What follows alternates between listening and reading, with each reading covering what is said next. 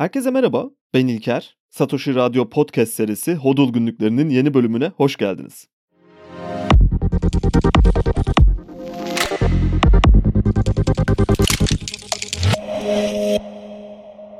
Bitcoin ETF'leri geldi.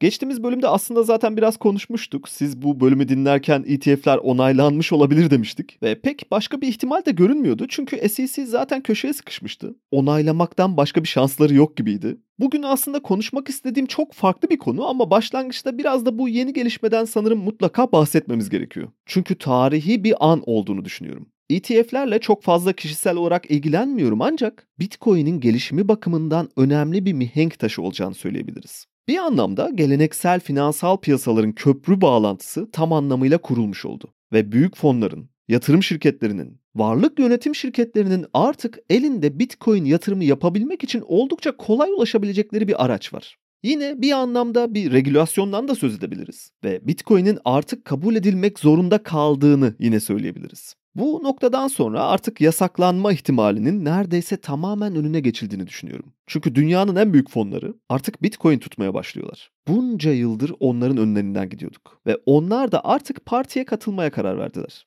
Number Go Up teknolojisinin bir sonucu olduğunu söyleyebiliriz bunun. Yasaklanma ihtimali dramatik ölçüde düştü diyorum. Çünkü emeklilik fonları bile artık portföylerinin belli küçük bir bölümünü bile olsa Bitcoin olarak tutmaya başlayacak Amerika'da.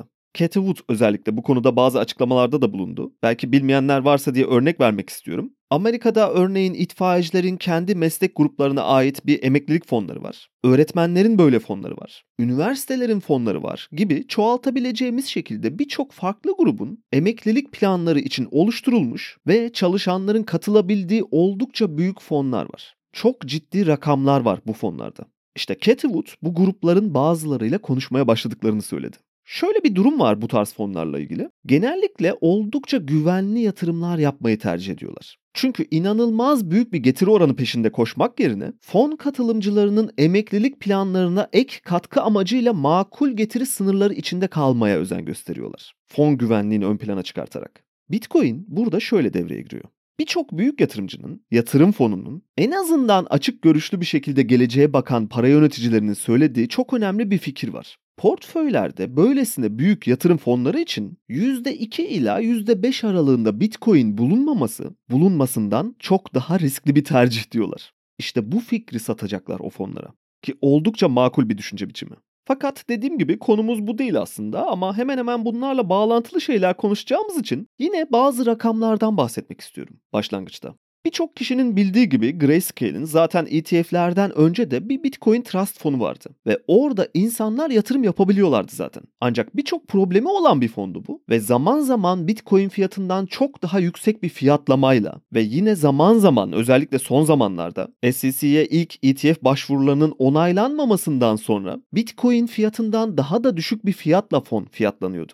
Yine tabii saklama hizmeti aldıkları yerlerdeki problemlerden dolayı bu fonun sahip olduğunu söylediği bütün Bitcoin miktarına aslında sahip olmayabileceği gibi söylentiler de çıkmıştı. Fakat tüm bunları bir kenara bırakırsak artık daha regüle edilmiş bir ortamda SEC'nin kontrolü altında onlar da kendi fonlarını ETF'e çevirebildiler. Ve bugün ETF'lerin tuttuğu toplam Bitcoin miktarı 650 bin adet seviyelerine kadar gelmiş durumda.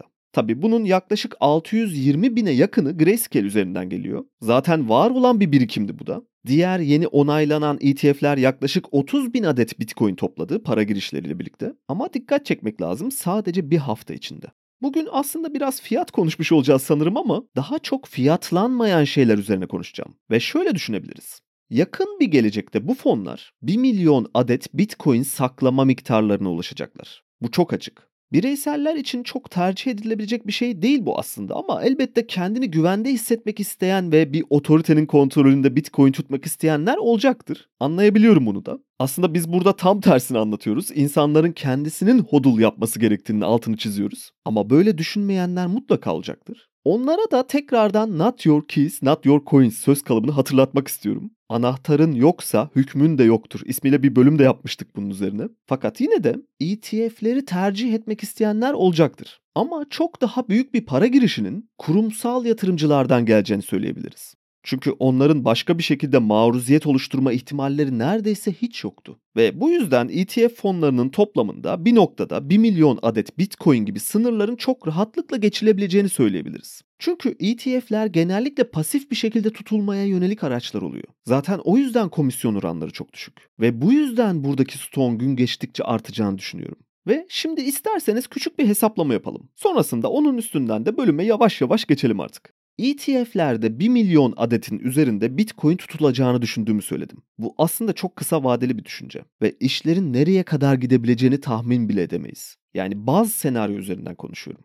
Ayrıca şu ana kadar biliyoruz ki toplam stoğun %30'dan fazlası 3 yıldan uzun bir süredir yerinden kıpırdamıyor. Yine yaklaşık %10'u 7 yıldır kıpırdamıyor. Buradaki durağanlığın pek farkında olduğumuzu sanmıyorum. O yüzden altını çizmek istiyorum bu rakamların. Ve dikkat verilmesi gerektiğini düşünüyorum. Şimdi bir de toplam stok konuşursak yaklaşık 19,5 milyon adet Bitcoin üretildi bugüne kadar. Önümüzdeki 120 yıl içinde de kalan 1,5 milyon adet çıkartılacak belli bir arz takvimine göre. Bildiğiniz gibi her 4 yılda bir üretim miktarı yarılanarak devam ediyor. Ve bu yılda yani 2024 yılı o özel yıllardan birisi. Tekrar bir yarılanma göreceğiz üretimde 4 ay içinde. Bu tekrar bir arz şoku yaratacak. Ve sanıyorum ilerleyen bölümlerin birinde mutlaka halving üzerine de konuşmuş olacağız. Şimdi isterseniz bu yüzdesel dilimleri rakamlara dönüştürürsek yaklaşık 6,5-7 milyon adet Bitcoin'in son 3 yıldır yerinden kıpırdamadığını söyledik. ETF'leri de 1 milyon civarında hesapladık kısa vade için. Yani toplamda 8 milyon adet Bitcoin ve toplam arzın yaklaşık %40'ı likit bir durumda olmayacak yakın bir zamanda.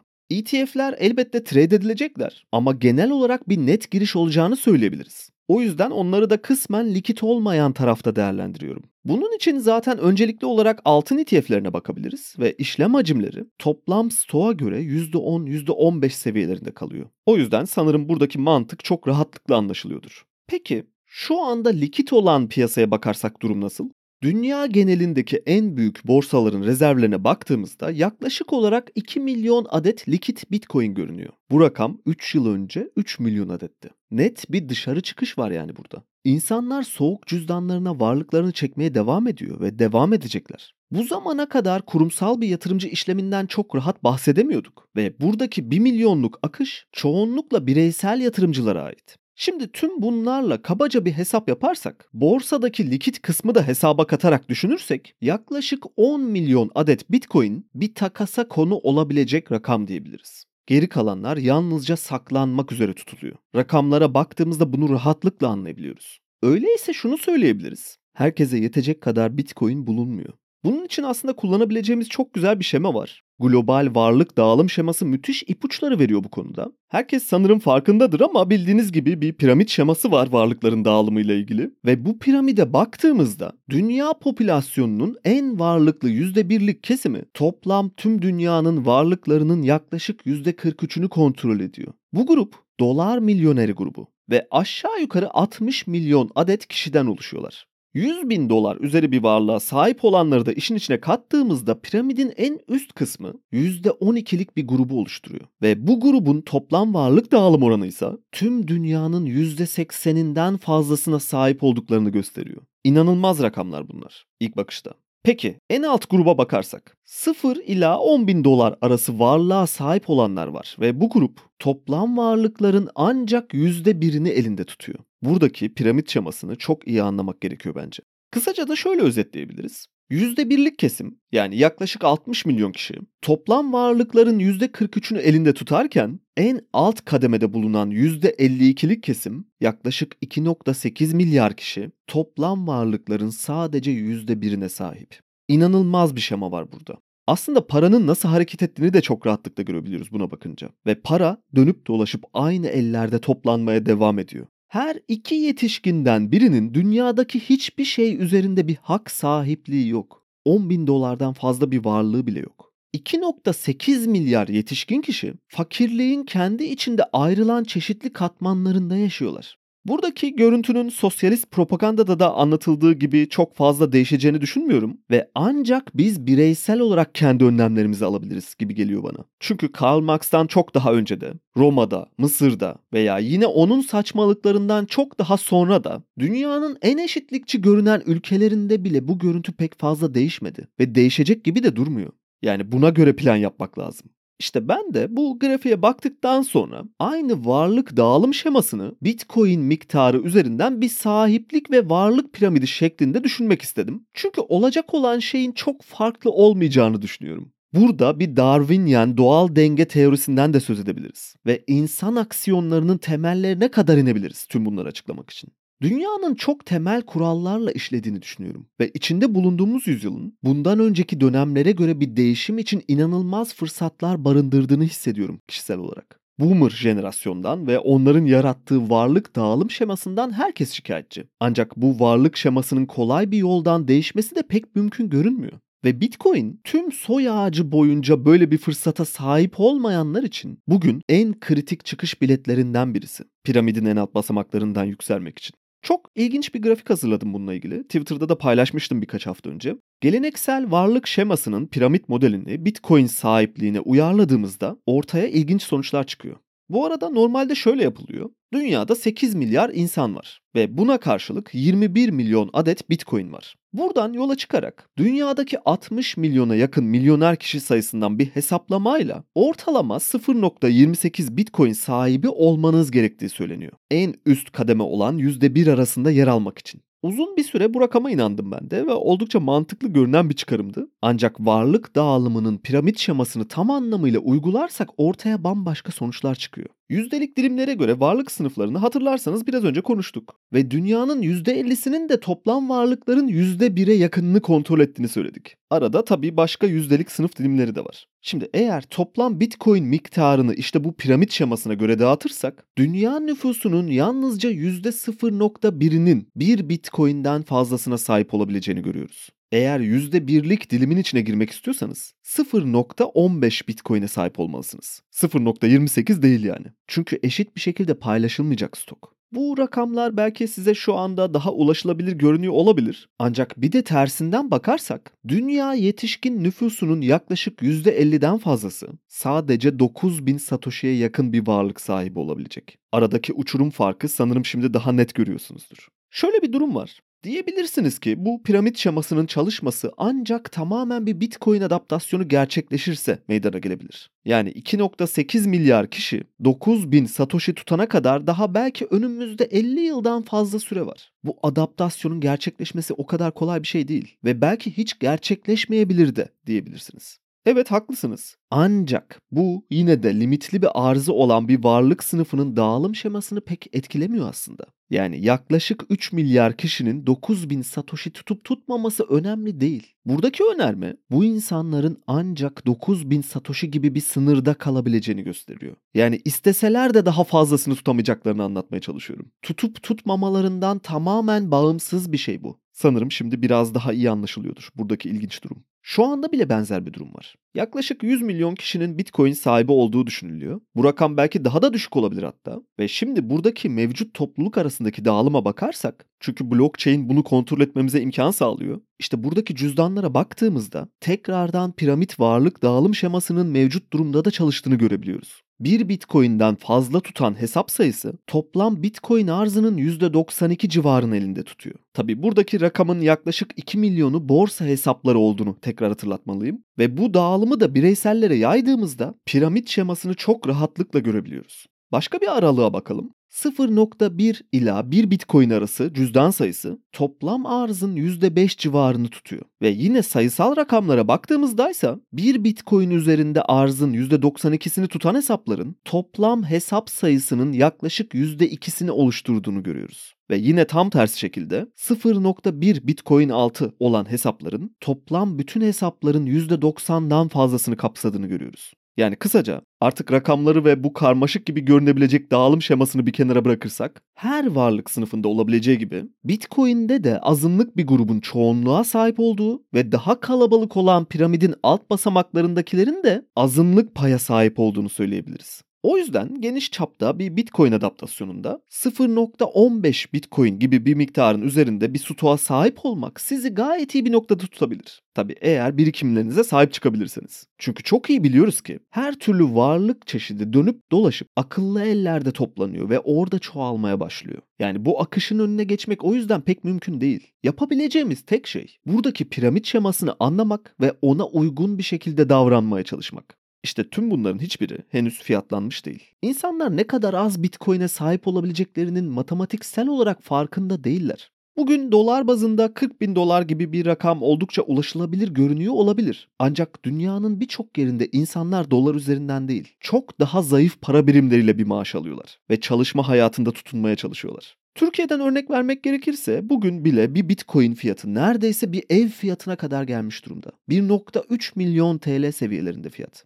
Hatta bunu yine bir araba fiyatı olarak düşünebiliriz. Ve belki bu noktada şunu fark edebiliriz. 80 milyonluk nüfusumuzda yine o konuştuğumuz varlık dağılım şemasını hatırlarsak ki hepimizin çok iyi bildiği gibi, çevremizde görebildiğimiz gibi toplumun çok büyük bir kesimi açlık sınır civarında yaşamaya çalışıyor. İşte şimdi bu 80 milyona baktığımızda sadece çok sınırlı sayıda insan gerçekten finansal piyasalarda duyduğu her şeye karşı çıkarak bir araba almak yerine, başka bir yatırım yapmak yerine, bir ev peşinatı vermek yerine Bitcoin tutabilir çok acı verici bir tecrübe tersini yapabilmek. Acı verici olan kısmı Bitcoin biriktirme tarafı ve herkesin yapabileceğini rasyonel bir şekilde düşünürsek pek sanmıyorum. Çünkü bir oyun teorisi devreye giriyor burada. Eğer herkes bu hedefe ulaşmak isterse çok daha az kişinin hedefe ulaşabileceğini görebiliyoruz. Bundan belki 4-5 yıl öncesinde bir Bitcoin sahibi olma hedefi daha ulaşılabilir görünüyor diye düşünebilirsiniz. Ancak ilk yıllar haricinde özellikle 2017 ve sonrasını düşünürsek bu hedef gerçekten kolay ulaşılabilir bir hedef değildi.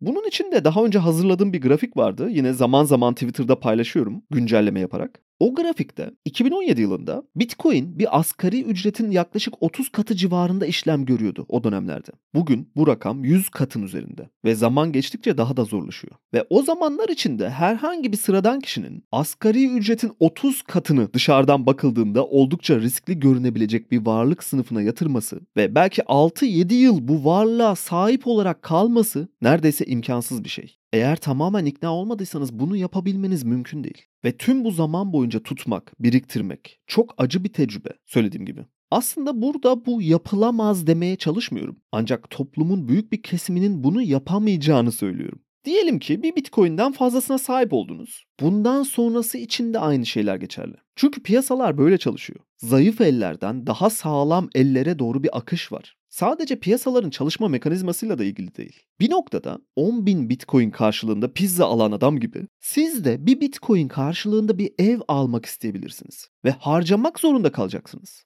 Zorunda kalmasanız bile harcayacaksınız bir noktada ve döngüsel bir ekonomi çalışmaya devam edecek. Bitcoin'in temel hedefi bu zaten yani eşten eşe bir para birimi olmak. Ancak ben şu an henüz bir birikim evresinde olduğumuzu düşünüyorum ve bu fırsatın iyi değerlendirilmesi gerektiğini söyleyebilirim. Çünkü bir noktada Number Go Up teknolojisiyle birlikte oyun teorisinin de işlemeye başlamasıyla birlikte artık herkes için yeterli bir arz olmadığı anlaşılacak. Ve o an her şey için çok geç olmuş olacak. Herkes için yeterli arz gibi şeyler derken aslında ekonomik kısma da biraz girmemiz gerekiyor. Şöyle ki biz insanoğlu olarak her zaman daha fazlasını istemeye meyilliyiz. O yüzden zaten bir Bitcoin gibi bir hedeften bahsediyorum. Birçok kişinin ana hedef miktarlarından birisi bu. Fakat o noktaya geldiğinizde bu kez daha fazlasını isteyeceksiniz. Hedefler güncellenmeye başlayacak, yükselmeye başlayacak. Asla yeterli olmayacak. Bugünkü para sisteminin temel problemlerinden birisi bu zaten. Parasal genişleme tam olarak bu yüzden yapılıyor. Ben genellikle parasal genleşme demek istiyorum. Çünkü genleşen şey bir noktada patlıyor. Ancak şu ana kadar aslında anlatmak istediğim şey sınırlı bir arzla ilgili görülen problemlerin yanında sınırsız bir şekilde çoğaltılan ve herkesin kolay erişimine açıldığını düşündüğümüz kağıt para sistemini düşünürsek pastadan herkesin kolayca pay alabildiğini düşünüyoruz kağıt paralarla birlikte ve işte zaten bu yanlış çıkarım bizi bugün bu noktaya getirmiş durumda toplam ekonomideki para miktarları ne kadar büyürse büyüsün, miktardan bağımsız olarak varlık sahipliği oranları yine bir piramit şeması şeklinde dağılacak. Farkında olmadığımız kısım bu. Ve miktar hiçbir şeyi değiştirmiyor aslında. Daha fazlası olması daha iyi bir sonuca yol açmıyor. Hatta aksine paranın üretim akışına yakın olabilenlerin pastadan haksız bir şekilde daha fazla pay alabilmesinin önünü açıyor. Ve eşitsizlik böylece daha da büyümüş oluyor. Belki de sadece bu yüzden sınırlı bir arz miktarı herkes için çok daha iyi bir sonuç olabilir. Bugün dünya nüfusunun yaklaşık 3 milyarlık bir kesimi yetişkin sayısı olarak açlık sınırlarının civarında yaşamlarını idame ettiriyorlar. Ve maaşlarından hariç eğer o da varsa hiçbir birikime sahip değiller. Sistem çünkü böyle dizayn edilmiş durumda ve herhangi bir şeye sahip olabilmelerinin de bir yolu yok zaten. 10 bin dolardan daha az bir varlığa sahipler. Kapana kısılmış durumdalar. Bu dünya açlığını yok etmek için her zaman milyarderlerin daha fazla paylaşması gerektiği öne sürülüyor ve açlığın bu şekilde engellenebileceği savunuluyor. Ancak bu da pek mümkün değil. Çünkü pasta büyümeye devam ettikçe kontrolsüz bir şekilde sadece acı çekmemek için ve banka hesaplarına bakıp mutlu olabilmek için rakamların büyümesi gerektiğini düşündükçe açlıkla cebelleşen dünya nüfusunun yarısına yetecek kadar para miktarı yaratmak mümkün değil. Çözüm tam tersi. Bir sınır koymamız gerekiyor. Mevcut durumda bir kısım gerçek açlıkla uğraşırken diğer bir kesim aç gözlülükle hareket ettiği sürece hiçbir şeyi çözemeyiz. Ayrıca tüm bunlar oldukça insani duygular ama önlem alınması gerekiyor belki de. Acı hayatın en önemli öğrenimlerinden birisi ve bir taraf acı çekerken diğer taraf acı çekmemek için para basıyor. Ekonomik modele tekrar dönersek 0.15 Bitcoin'in sizi çok üst bir seviyede tutabileceğini gösterdim şimdiye kadar. Fakat şöyle bir durum daha var.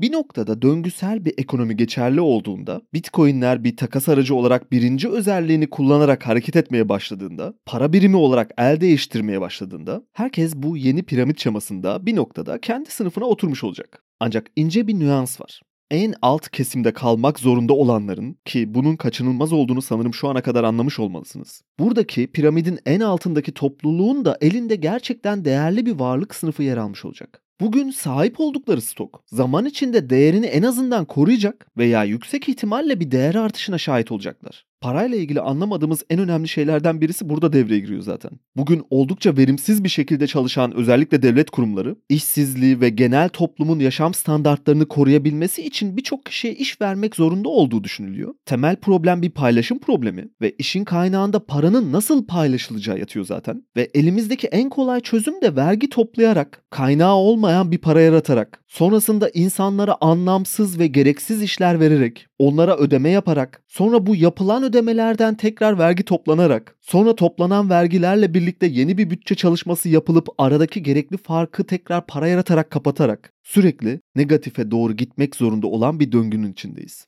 İnsanlar kendilerini devlet kurumlarına atmak istiyorlar. Çünkü orada çalışıyormuş gibi yapabiliyorlar. Ve devlet de bunun karşılığında onlara ödeme yapıyormuş gibi davranıyor. Çift taraflı bir çıkar ilişkisi var. Fakat şunu anlamıyoruz bir değer yaratmakla ilgili. Çok basit bir örnek vereceğim emek değer teorisiyle ilgili. Şimdi iki farklı çalışma düşünelim. Birinde X birim enerji harcanarak, emek ve zaman harcanarak bir elma üretimi yapılıyor diyelim. Buradaki değeri biz hemen arkasındaki iş gücüne, emek ve zamana bağlıyoruz. Harcanan enerjiye göre iş gücü maliyetini hesaplıyoruz ve bunun değer olduğunu düşünüyoruz. Fiyat böyle belirleniyor sanıyoruz. Şimdi bu hesaplamaların sonunda diyelim ki elma fiyatı 20 lira olsun.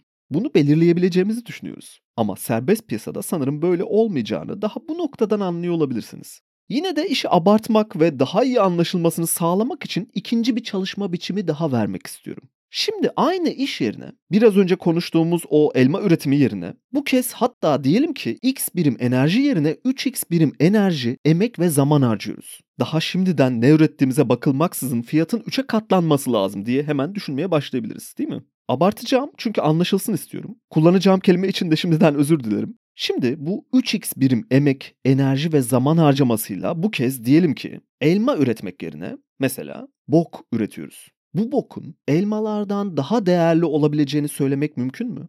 Veya hatta aynı şekilde bile fiyatlanması gerektiğini düşünebilir miyiz? İşte ekonomilerdeki bütün problem aslında tam olarak bu iki çalışma biçiminin farklı değerlendirilmemesinden kaynaklanıyor.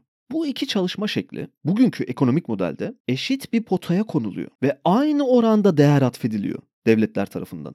Buradaki abartılı örneği şimdi belki şuna çevirebiliriz. Bir tarafta kamu sektörü var ve diğer tarafta özel sektör var. Hangisinin daha verimli, daha fazla değer üretimi ve daha yetkin kişilerin çalışma şekli olduğunu sanırım söylemeye pek gerek yok. Fakat iki taraftaki ücretli çalışanlardan daha fazla değer üreten, daha efektif ve verimli enerji harcayan, daha yüksek katma değer yaratan taraf olan özel sektör belki kamuyla hemen hemen aynı fiyatlanıyor ücretler bakımından. Hatta daha düşük fiyatlanıyor bile diyebiliriz. Diğer taraftaki çalışma şekli yüzünden oluyor bu devlet kurumlarının ve oradaki çalışma şekillerinin neredeyse %50'sinden fazlasını yok etsek bugün, yarından itibaren hiçbir şey değişmeyecektir. Ancak buna rağmen yeni kadrolar, yeni işler, yeni kurumlar açılmaya devam ediyor. Ve bizim de vatandaş olarak böyle olması çok hoşumuza gidiyor. Çünkü eğer siyasi veya farklı bir şekilde herhangi bir torpil bulabilirsek, çok rahatlıkla bu tarz kurumlara girerek bok üretmeyi tercih etmek istiyoruz. İnsan doğamızın bir parçası bu da.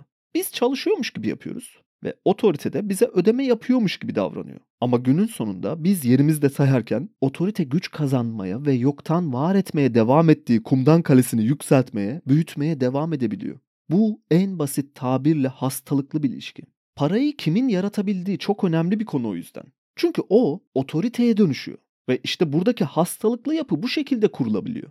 Bu arada verdiğimiz örnekte bir tarafın daha fazla kazandığını veya diğer tarafın daha az kazandığını ölçümleyebilmemizin bir yolu da yok. Çünkü ölçüm birimi zaten hatalı bir terazi ve karşılaştırma yapılan iki grup birbirlerini negatif anlamda etkiliyorlar. Birisi olmasaydı diğeri nasıl olurdu bilemiyoruz. Tahmin edebiliriz sadece. Ve eğer tahminimizin gerçekleşmesini düşünüyorsak yapmamız gereken en önemli şeyin para sistemini değiştirmemiz gerektiği sonucuna ulaşabiliriz. Tek çözüm yolu bu. Eşit bir paylaşımdan elbette hiçbir zaman için söz edemeyeceğiz. Ancak adil bir paylaşımı yalnızca para sistemini düzelterek sağlayabiliriz. Bunun yolu da acı çekmeyi kabul etmekten geçiyor. Biraz önce konuşmuştuk acı üzerine. Bugün bütün ekonomik model işsizlik oranı, enflasyon oranı ve GDP büyümeleri üzerine kurulmuş durumda. Bir ülkenin ve dolayısıyla vatandaşların refah seviyesi bu üç temel metrikle ölçülüyor ve hepsinin temelinde de para sistemi yatıyor. Fakat ne yazık ki üçü de yanıltıcı metrikler gizli işsizleri hesaba katamıyoruz. İşinden nefret eden ve çalışmak istemeyen fakat mecburi bir şekilde devam etmek zorunda olan çünkü bir borç köleliği girdabına girmiş kaybolmuş olan ve finansal olarak gün geçtikçe durumu daha da kötüye giden sessiz bir kalabalığı hesaba katamıyoruz. İş aramayanlar veya başvuruda bulunmayanlar işsiz sayılmadığı için iş aramaktan vazgeçmiş olanları modelin içinde değerlendiremiyoruz. Enflasyon oranının ne olduğu ile ilgili hiçbir fikrimiz yok. Nobel Ekonomi Ödüllü Paul Krugman daha çok yakın bir zamanda enflasyondan kurtulduğumuzu söyledi. Ona inanabiliriz belki sanırım. Çünkü bir grafik de paylaştı enflasyonun düşüşüyle ilgili ve o grafikten de takip edebileceğimiz gibi barınma, ulaşım ve gıdayı saymazsak enflasyon düşüşe geçmiş gibi görünüyor. Zaten kimsenin barınmak gibi, ulaşım gibi veya gıda harcaması gibi bir problemi olmadığından bu çalışmayı çok rahatlıkla kabul edebiliriz sanırım. Yine buradaki üçüncü metrik olan GDP rakamları ile ilgili daha iyi anlaşılması adına belki bir fıkra paylaşabilirim. Şöyle ki iki ekonomist birlikte bir yürüyüşe çıkmışlar. Yolda ilerlerken bir noktada karşılarına bir bok yığını çıkmış. Bugün çok fazla bu kelimeyi kullandık ama böyle denk geldi maalesef. Her neyse ekonomistlerden birisi diğerine bu yığından eğer bir miktar yerse ona 100 dolar vereceğini söylemiş. İkinci ekonomist şöyle bir bakmış çok da kötü görünmeyen bir teklif olarak değerlendirmiş 100 dolar için ve boku yemiş. Tabi sonrasında ilk ekonomist bu sefer acaba 100 dolar fazla mı teklif ettim diye düşünürken ikinci ekonomist de içten içe 100 dolar için bunu yapmaya değer miydi diye sorgularken yolda ilerlemeye devam ederlerken bir noktada tekrardan bir bok yığınıyla karşılaşmışlar. Bu sefer ikinci ekonomist ilkine dönmüş ve demiş ki eğer sen de bundan yersen ben de sana 100 dolar vereceğim. İlk ekonomist biraz önce verdiği o 100 doları geri kazanmak için teklifi kabul etmiş ve yemiş. Sonra yolda biraz daha ilerlemişler. İlk ekonomist düşünmeye başlamış. Arkadaşına dönmüş ve demiş ki ya ikimiz de sanki boş yere bu boku yedik gibi düşünmeye başladım. Çünkü ben sana 100 dolar verdim. Sonra aynı 100 doları sen bana geri vermiş oldun ve boş yere bunu yedik gibi görünüyor. İkinci ekonomist cevap vermiş. Hayır böyle düşünme. Boş yere yemedik. Biz bu hareketlerimizle GDP'yi 200 dolar arttırmış olduk. Sanırım şimdi her şey daha yerli yerine oturuyordur emek değer teorisiyle ilgili.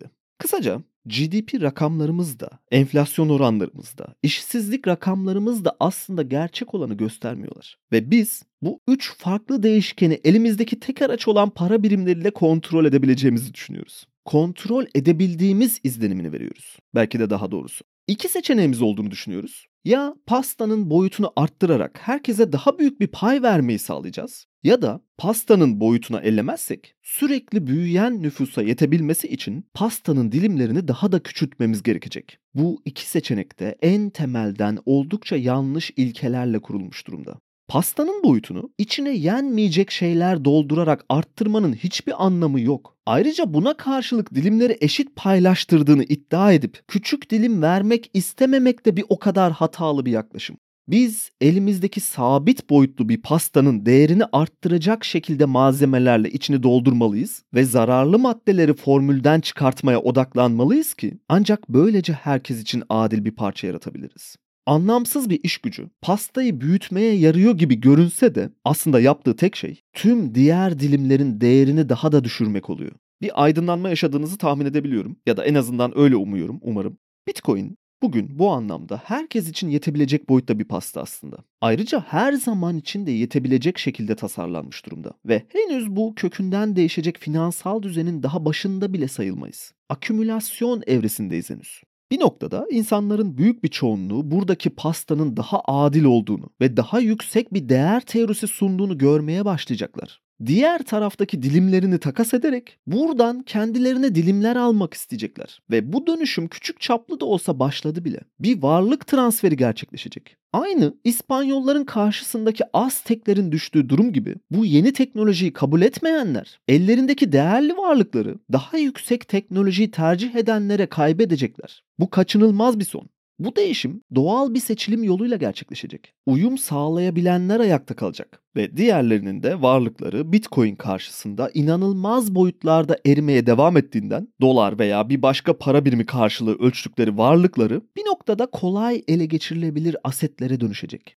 Örnek olarak herhangi bir ürünün, varlığın son 10 yılda değişen Bitcoin fiyat karşılığı grafiğini kontrol edebilirsiniz. Dramatik bir ölçüde değer kaybettiler ve kaybetmeye devam edecekler anlamlı ve gerçek bir değer olması gereken işlerin değerleneceği ve bunun karşılığında hiçbir üretimde bulunmayan ama karşılığında bir değer kazandığını düşünenlerin ellerindekini kaybedeceği yeni bir geleceğe doğru ilk adımları atmaya başladık. ETF onayı da bunun regüle edildiğini ve kabul gördüğünü anlatan önemli bir mihenk taşı. Fiyatın uzun vadede sürekli yükseliyor olması sürekli olarak yeni grupların iştahını çekmesini sağlıyor ve bu bir dizayn çeşidi. ETF'ler de işte buna daha çok yardımcı olacaklar. Ve birçok kişi bu yükseliş grafiklerine bakarak belki saf bir zenginlik arzusuyla giriş yapabiliyor. Ancak bu bir truva atı. Finansal piyasalar büyük bir zafer sarhoşluğuyla kapılarını açtı ve atı içeri aldı. Onu dizginleyebileceklerini ve kontrol edebileceklerini, bir zafer objesi olarak sergileyebileceklerini düşünüyorlar ama yanılıyorlar. Bir kara delik gibi çalışıyor Bitcoin. Ve biz olay ufkuna buradan bir daha geri dönüşü olmayacak bir çekim kuvvetine çok yaklaşmış durumdayız artık. Yeni şeyler söylenedik bu haftalık hodul günlüklerinin sonuna geldik. Satoshi Radyo ve Satoshi TV hesapları üzerinden programı takip etmeyi ve beğendiyseniz paylaşmayı unutmayın lütfen. Ayrıca bildirimleri açarsanız birbirinden farklı içeriklerden daha verimli bir şekilde haberdar olabilirsiniz. Bir sonraki bölümde görüşmek üzere.